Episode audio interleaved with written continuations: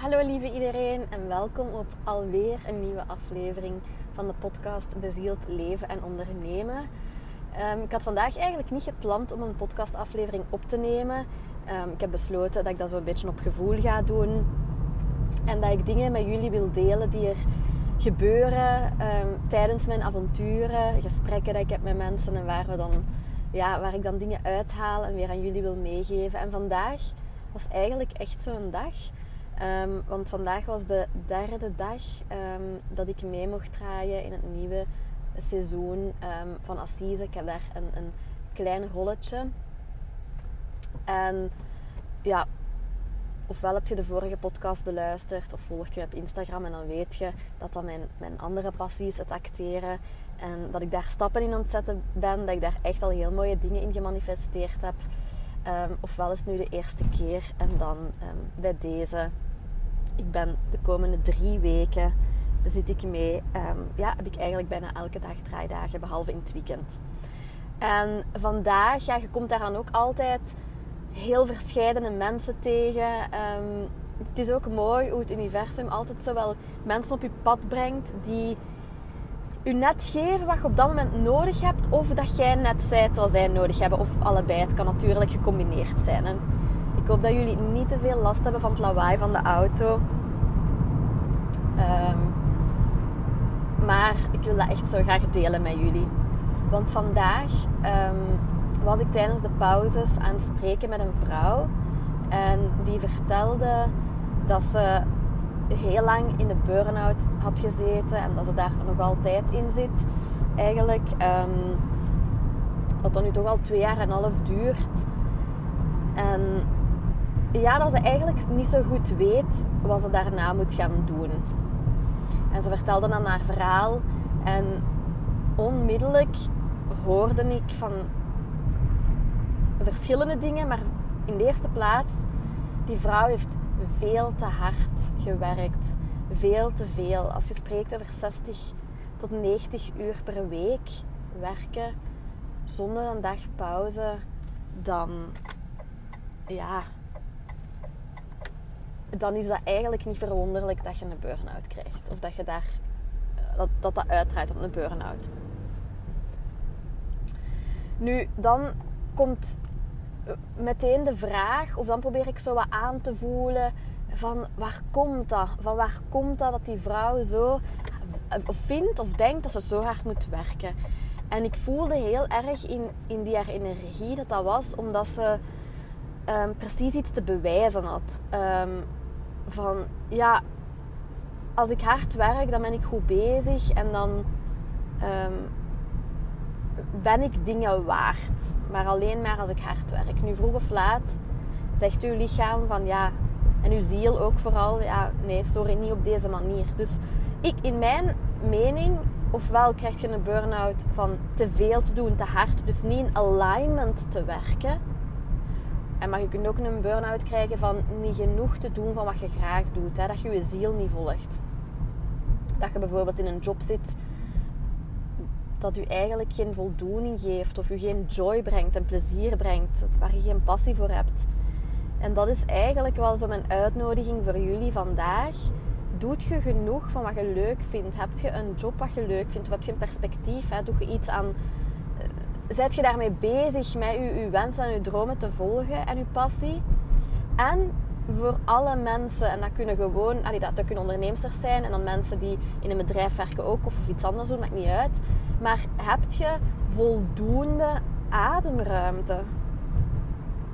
Want ook al vind ik acteren super leuk en coachen, als die balans in mijn gezin niet goed is, als ik niet genoeg tijd heb om voor mezelf te zorgen en af en toe een keer in mijn zetel te gaan zitten met Netflix en gezond eten te maken en ook mijn yoga te gaan doen en mijn meditaties en met een partner weg te gaan en te slapen, dan trek ik dat niet. En dan is het uiteindelijk ook gewoon niet meer plezant. En dat is eigenlijk de les dat veel mensen op een harde manier dan moeten leren. Dus een, een mooie uitnodiging om echt te gaan kijken van heb ik genoeg ademruimte? Zodat ik mijn passie en wat ik zo graag de wereld inzet en wat ik zo graag doe, zodat ik dat kan blijven doen. Of word ik hier uitgenodigd of word ik... Oh, ik, ja, hier lag zo'n groot stuk metaal op de weg. En ik dacht, oké, ik ga daar alleen niet overrijden met mijn wielen, maar zo met mijn... Ja, dat dat onder de auto komt. En dan ja, deed ik mijn ogen toen dat ik zeker was dat ik erover zou kunnen rijden. Maar oké, we made it. We're fine. Of word jij nu uitgenodigd om stappen te gaan zetten richting die passie? En dat wil niet zeggen, dat is een vraag die ik gisteren kreeg van een onderneemster die ik aan het coachen ben. Die vroeg mij van, ja, moet ik dan nu ineens mijn zaak stopzetten en met die andere zaak beginnen? Want zij wil een shift maken. Zij wil iets anders gaan doen. Ze weet dat ze onderneemster wil blijven, maar ze wil iets anders gaan doen. En ik zei, oh wauw, dat gaan we even nuanceren. Um, als jij voelt dat je voldoende um, financiële buffer hebt en dat, dat, dat je dat met een rustig zenuwstelsel kunt doen, ja, dan vooral doen. Maar zijt je iemand die zich snel zorgen maakt om dat financiële, of heb je nu niet de financiële middelen, dan kun je het ook um, wat, het wat in balans brengen. Hè? Dat je misschien wat mindert met je werk en dat je um, daarnaast je bezighoudt met je passie en dat ander bedrijf opzet. En zo kun je bijvoorbeeld ook ergens halftijds gaan werken of drie vierde en ondertussen je, je, dingen in de wereld proberen te zetten. Want trust me, als je ziel iets wilt, als je dat voelt en je voelt dat, ik moet dat helemaal niet uitleggen, dat is een calling, je wordt getrokken. Als je zo die ingeving hebt van, ah, dat wil ik eens gaan uitproberen, of dat wil ik doen, of dat is mijn passie. Ook al ziet je niet direct hoe dat je dat exact moet gaan combineren, wat je volgende stappen zijn, hoe dat je dat exact moet doen, zet gewoon de eerste stappen. Jump and the net will appear. Dat is een van mijn favoriete quotes. Jump and the net will appear. Het gaat allemaal duidelijk worden. Je hoeft niet te wachten op volledige helderheid. Dat is een utopie en je gaat ongelukkig worden, want volledige helderheid krijg je nooit. De weg gaat zich vormen naarmate dat je stappen zet. Dat is het, het, vertrouwen dat je ook een beetje moet uitsturen in het universum. Het vertrouwen dat je in jezelf mocht hebben. En dat heeft mij nog nooit teleurgesteld. Elke keer wanneer ik mijn hart volg, wanneer ik die roeping van mijn ziel volg, ben ik altijd heel aangenaam verrast geweest. En pakt alles eigenlijk altijd wondermooi uit. of toch vaak. En komen er oplossingen voor dingen die ik eerst niet haalbaar zag. Nu ben ik wel een beetje afgeweken, maar ik vind dat zo. Ja, sorry, ik ben geen agressieve chauffeur, maar van sommige mensen krijg ik wel, ik zal zeggen, kippenvel. Um, ik, ik ben daar zo door gepassioneerd door mensen op dat pad te zetten van ga je ding volgen. Als je voelt dat iets je blij gaat maken, doe dat dan. Doe dat dan.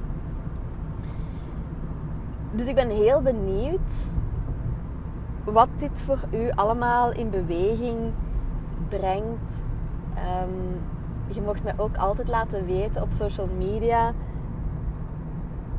wat dat jij graag, of wat dat je hier nu van, van opgepikt hebt, of wat jij gaat uitproberen, of dat wat het u gestimuleerd of gemotiveerd heeft. Maar dus, ik was een gesprek aan het aangaan met die vrouw en um, die vertelde dan ook van ja, um, ik ben zo jaloers op, op mensen zoals u die energie kunnen aanvoelen en die mensen zo goed kunnen inschatten. En ik zei tegen haar, ik zeg maar, dat is goed. Dat is, je moet je daar niet slecht over voelen, want dat wil zeggen dat je ook dat verlangen hebt. Jaloezie wil zeggen dat jij dat eigenlijk ook wilt. En, ja, maar ik weet niet of ik dat ga kunnen en ik ben al zo oud en jij bent 35 en je hebt het allemaal en je weet allemaal niks. Hè, maar als je een verlangen hebt, dan wil dat zeggen dat het voor u mogelijk is. Want anders zou je zelf, zelfs het verlangen al niet hebben. Dan zou dat niet in u opkomen. Dan zou dat niet een van uw wensen zijn. Als jij, als jij iets wilt, dan wil dat zeggen dat dat voor u weggelegd is. En dan mocht je echt op een blaadje schrijven en overal ophangen totdat je dat belichaamt. Tot je dat begrijpt en belichaamt. Er zijn mensen die het totaal, die daar zelfs niet aan denken om te willen energie van andere mensen aanvoelen. Omdat dat niet voor hun bestemd is. En zo heeft iedereen wel iets wat voor hem of haar bestemd is. En is dat dus ook mogelijk. De enige reden waarom dat je het nog niet hebt of waarom dat schijnbaar lang duurt of dat het maar niet komt, is omdat daar nog heel veel belemmerende overtuigingen op zitten. En dus ik zei tegen haar van volg dat gevoel maar. En ik ben er zeker van dat dat gaat komen. Dat de juiste mensen op je pad gaan komen. Of de juiste cursussen of de juiste whatever, zodat jij dat ook gaat kunnen. En ehm, ik zei dan ook tegen haar, ik zeg, ik zie dit heel vaak met mensen die een gevoel, die dat wel hebben. Hè? Want uiteindelijk heeft iedereen een gave ehm, om dingen aan te voelen. Iedereen is helderziend, maar heel veel mensen sluiten dat af als kind al. Of heldervoelend of helderhorend. Daar zijn natuurlijk gradaties in en vormen in. Maar ehm, als je vaak als kind hebt gehoord van je ouders of van de mensen die je opvoeden. Ja, kom, stop met mijn ween. Of doe niet zo flauw. Of nu moet je doorbijten. Um, flink zijn nu. Dan werd er eigenlijk van u gevraagd om uw gevoelens in een potje te steken. Om niet meer te luisteren. Om die gevoelens niet meer te volgen.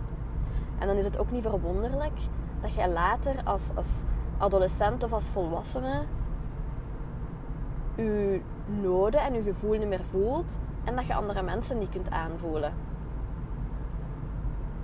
Dat is een normaal gevolg. En je kunt dat allemaal terugkeren en je kunt dat allemaal terugroepen en je kunt daar wel terug goed in worden.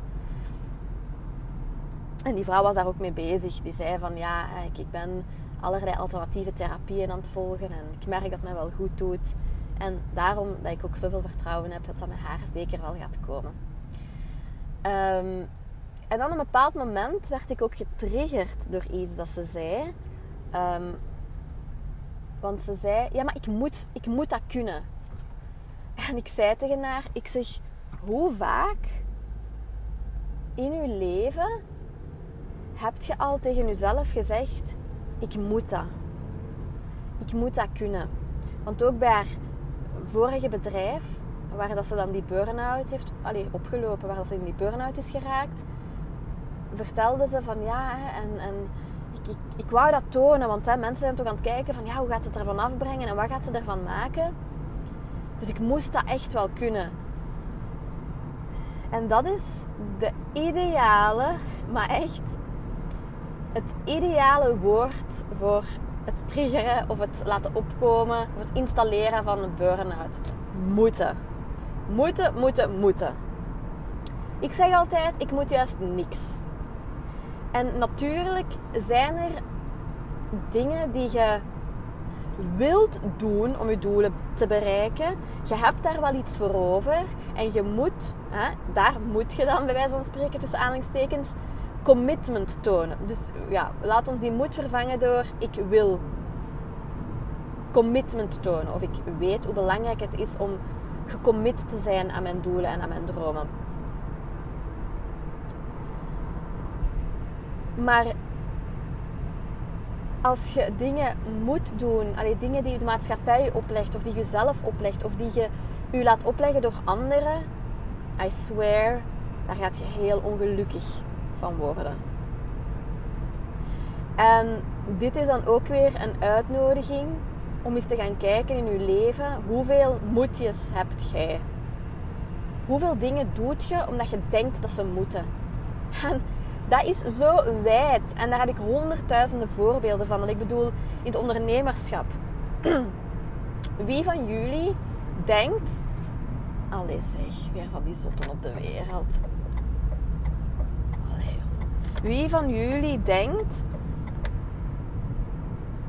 als onderneemster, ah, ik moet nu een post maken of ik moet nu content delen, want anders ja, dan ga ik volgers verliezen en dan gaan mensen uh, mij niet meer volgen. Of ik moet nu wel eens opdagen op social media. Of ik moet nu iets nieuw lanceren. Of ik moet nu dit of dat doen. Als mama, hoe vaak denk je, ik moet nu met mijn kinderen bezig zijn. En ik moet nu zien dat alles proper is. En ik moet nu dit. En ik moet zien dat ik er altijd sta. gewoon als partner of als vriendin. Of als werknemster. Hoeveel dingen doet jij omdat je denkt of vindt van jezelf dat je ze moet doen? En probeer die eens ofwel te schrappen ofwel wat milder te maken.